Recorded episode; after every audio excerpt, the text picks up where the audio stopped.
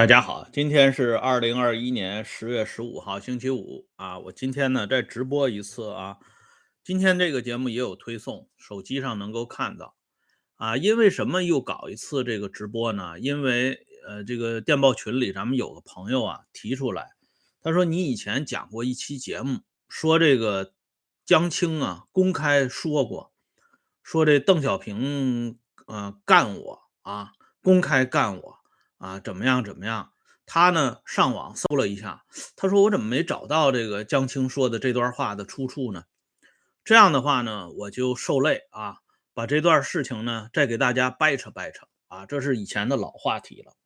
同时呢，由这么一段历史上发生的事情，就想到我们这个啊伟大的民族啊，以及这个民族标配的这个伟大的汉语啊，这语言。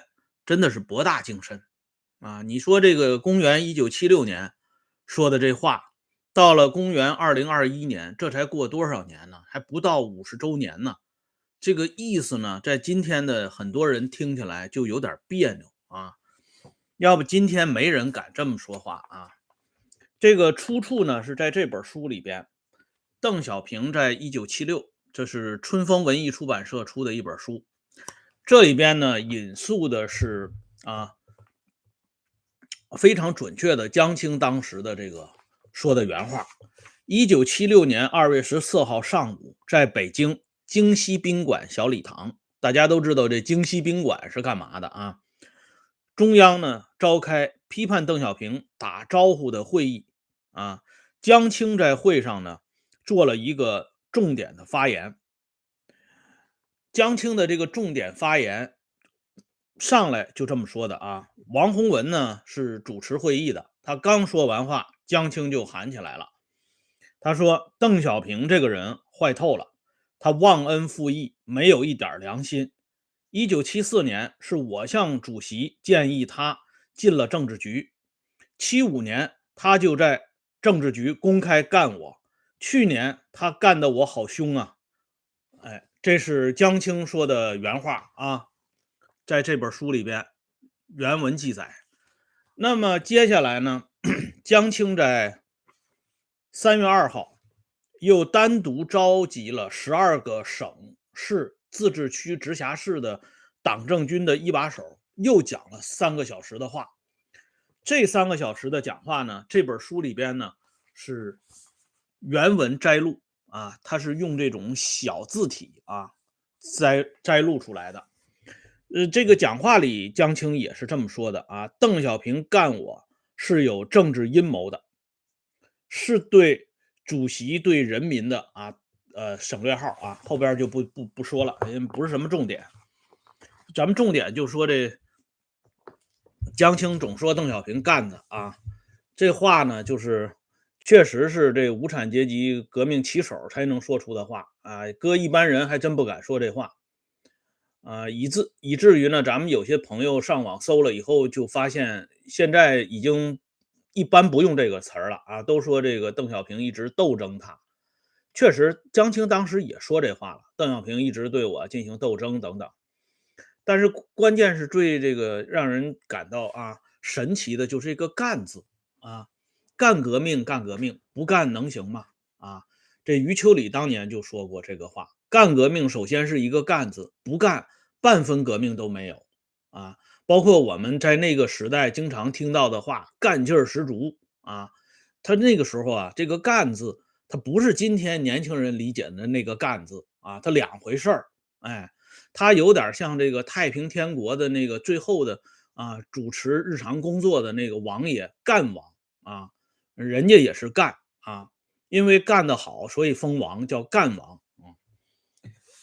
那么官方修订的《邓小平年谱》里边呢，也是羞答答的啊，间接的承认江青说过上述的这个话。在《邓小平年谱》的1975年到1997年的上卷里边的第一百四十八页里边，专门介绍了江青召开呃十二省。自治区领导人会议啊，对邓小平的污蔑，只不过呢，这里啊，把什么公开干我、干我是有政治阴谋的这些话呢，就给删减了但是里边有些主要内容还都予以保存。由于江青的这一次啊，这个讲话，毛泽东专门提提出啊，这个讲话不要印发，此事是不妥的。估计呢，连伟大领袖都认为，啊，老这么说干呢，干的好像听起来也不太好听。所以这一次讲话呢，没有全面的啊下发。但是在这本书里边呢，就出现了。这样的话呢，我们就想起啊，这个刚才我们不说吗？这个汉语啊，博大精深。哎，为什么说这个汉语博大精深呢？这个前一段时间啊，这国庆节前夕啊，中国的这个国庆节前夕啊，呃，北京市餐饮协会提出了一个。啊，倡议什么倡议呢？就是吃面条啊，就是为了庆祝这个祖国的这个生日，大家最好都吃面条因为大家平常啊，你比如说过生日的时候啊，啊，摆这个寿宴的时候，都喜欢吃这面条所以这北京市呢就提出来吃面条哎，吃面啊，表示这个长长久久的意思。结果呢，底下有人就回复了，回复说吃面啊，是不是吃挂面啊？这我呀也是头一次啊，才领悟到这挂面跟我小时候理解的那挂面它不是一个意思。我们小时候吃的这个挂面，它就是个名词。现在这个挂面，它的含义太丰富了啊，好像是说这是属于联合词组啊。就说这人挂了才吃面啊，哎，所以叫简称挂面。所以这人呢开这个俏皮话，就更让我想起这个汉语啊博大精深的地方。前一段时间我看这个互联网上啊，从这个新浪微博上看这么一个对联儿，哎，我就觉得这个真是不得了啊。这个上联呢叫管鲍之交啊，大家都知道啊。这个管鲍之交，这是指这个春秋时代两个好朋友，一个是管仲，一个是鲍叔牙。这哥俩呢关系特别好，所以历史上传下来这么个成语啊，就称这两个人莫逆之交，相当于管鲍之交。这上联其实没啥问题，说的是一个历史现象。那下联呢，他来了一个男女关系啊。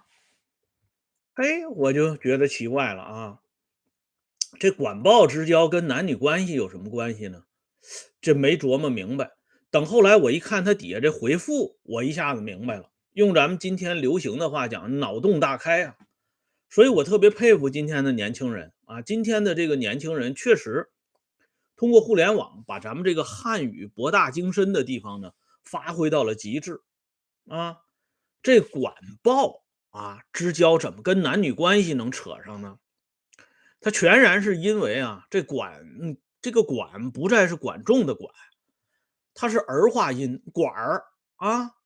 这个管儿这个东西，咱们都知道啊。这个今天年轻人他有一种特殊的生活方式啊，就跟这管儿有直接的联系啊。这这我们就不深挖掘了啊。那这个鲍呢，它也不是鲍叔牙啊，它形容一种海产品啊。象形字啊，哦，鲍鱼，哎，原来我们小时候就知道这鲍鱼是用来吃的啊，海产品嘛，当然是用来吃的。可是现在呢，这个这个鲍鱼它隐身以后呢，当然它还是用来吃的啊。至于怎么吃，我就不多说了啊啊，所以它这个管鲍之交啊，就跟这男女关系搭上了。嘿，我这一想啊。我说这个可是真是太深了啊！这个确实太深了，博大精深嘛，这确实深。当时都没反应过来。然后他这个横批也一绝啊！这横批你看是什么呢？黄菊啊！我一看这更懵了。这黄菊咱们都知道，这是啊，这不能说了，这就是这个啊某某啊，呃，这已经这个故去多年了。这个怎么能跟？这个晚报之交扯上呢？关键是这个橘子啊，我们都知道啊，这个有一位伟大的啊无产阶级农民革命家，他的名字叫黄巢。黄巢，黄巢不是写过这咏菊吗？啊，我花开后百花杀，满城尽带黄金甲。可是他说的是这个一种植物啊，是一种名贵的花草啊，菊花。可是菊花呢，现在呢被这年轻人呢给引申成为一个部门了啊，所以现在谁一说菊花，连我这中年人我听着都有点别扭啊。昨天不是重阳节吗？我以前给大家念过一首诗啊，我也是特别喜欢的啊，杜牧先生的诗，这个九日岐山登高啊。江寒秋影雁初飞，与客斜湖上翠微。尘世难逢开口笑，菊花须插满头归。这菊花须插满头归啊，这话人家当年这是押着韵呢，而且是特别的应景啊。可是今天你要再读这个，这听着还是有点别扭啊。这菊花还须插，还满头啊，还归。这怎么听都别扭啊！再加上咱们以前也知道，这杜牧先生还有一首诗啊，“停车什么啊，枫林晚，霜叶红于二月花”啊，那东西一听，用今天的话理解也不对了啊。就说这汉语啊，确实啊精进了很多呀。哎，这菊花须插满头归，听着别扭吧？我记得电视连续剧啊，这个《甄嬛传》里有个情节。啊，就是这个皇上晚晚上啊，除夕夜去这个倚梅园啊，有这个甄嬛在那儿啊，念了一首诗，这个呃逆风如解意啊。后来呢，有一个叫于莺儿的就顶替冒名顶替甄嬛啊，就就说他是那倚梅园的那个念诗的那个啊。皇上呢就高兴了啊，把他招到身边来。然后呢，这雍正皇帝呢啊跟这弟弟这个。呃，云里下棋之后呢，这皇上站起来念了一首词啊，这首词呢就是啊，玉楼金阙拥归去，妾插梅花醉洛阳啊。这首词呢是南宋朱敦儒先生啊，宋朝朱敦儒先生写的《鹧鸪天》啊。这是词的头一句就是我是青山啊，我是清都。山水郎，天教吩咐与书狂啊，就是写的一种啊，这种富贵闲人啊，或者是是说这个读书的公子啊，有一种这种轻狂的样子。这皇上引用这首词呢，也是表示他当时这心情非常愉悦，哎，又收了个这个呃女战友啊，又可以在一起战斗了。所以呢，他念了这么一首词，我呀。看到这首词的时候，我就替这个朱敦儒先生捏了把汗啊！我觉得朱先生还是有先见之明啊，好歹他写的是“妾插梅花坠洛阳”，他要写成“妾插菊花坠洛阳”，这笑话可能就大了去了啊！今天要再读起来，估计大家都得扑哧扑哧的笑个不停啊！哎，所以这个咱们说这汉语啊，确实是博大精深啊，不得了，哎。所以啊，这个，呃，为什么啊？这个有些年轻人还抱怨，就说这个啊，这个你看看我节目的时候，有的朋友也总说啊，卡呀卡，看这油管的节目啊，呃，这个国内啊，想正常收看油管这节目难度挺大的啊，它是有这个规矩的，不能随便来看。但是后来我一想呢，我顺着这个汉语的改造啊，这个语言改革呀。任重道远，当年伟大领袖啊，最喜欢就是进行文字改革，什么简体字啊、繁体字啊，改了很长一段时间。所以这个汉语言的这种精进呢，还是在不断的发展当中。所以我就根据这个汉语的这个发展的逻辑啊，我就想到，其实国内啊，这个国家呀，不让这个年轻人随意就上这个油管，其实也有一定道理。啊，这个他这个英语翻译的也非常好，油管儿啊，你看看，又是油，又是管儿啊，这油呢就让我们一下子想起印度生产的一种油啊，这是什么油大家自己去脑补一下啊，我们就不说了。这管儿刚才我们已经介绍了，管鲍之交嘛，啊，这个油再加上这个管儿，不利于年轻人呐这个身心的健康发展啊。你不管它是音译还是词义还是字义啊，我觉得油管这个词翻译的很好，基本符合咱们汉语翻译那个信达雅这三个字啊。所以啊，这也是国家呀保护年轻人的一种措施。啊，国内现在都提倡这个生三胎啊，为国报效。那你要天天就是油啊，又是管什么的，那你能完成国家的这个交给的任务吗？对吧？所以这也是从爱护青年的角度出发。说了这么多呢，我们还是再一次的感慨啊，汉语的博大精深。但是说来说去呢，好像这博大精深这四个字呢。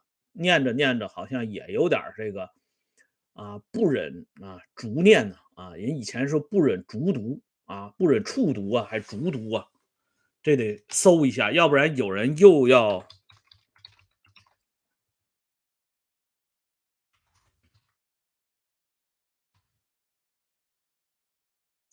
又要那个较真儿了啊。哎。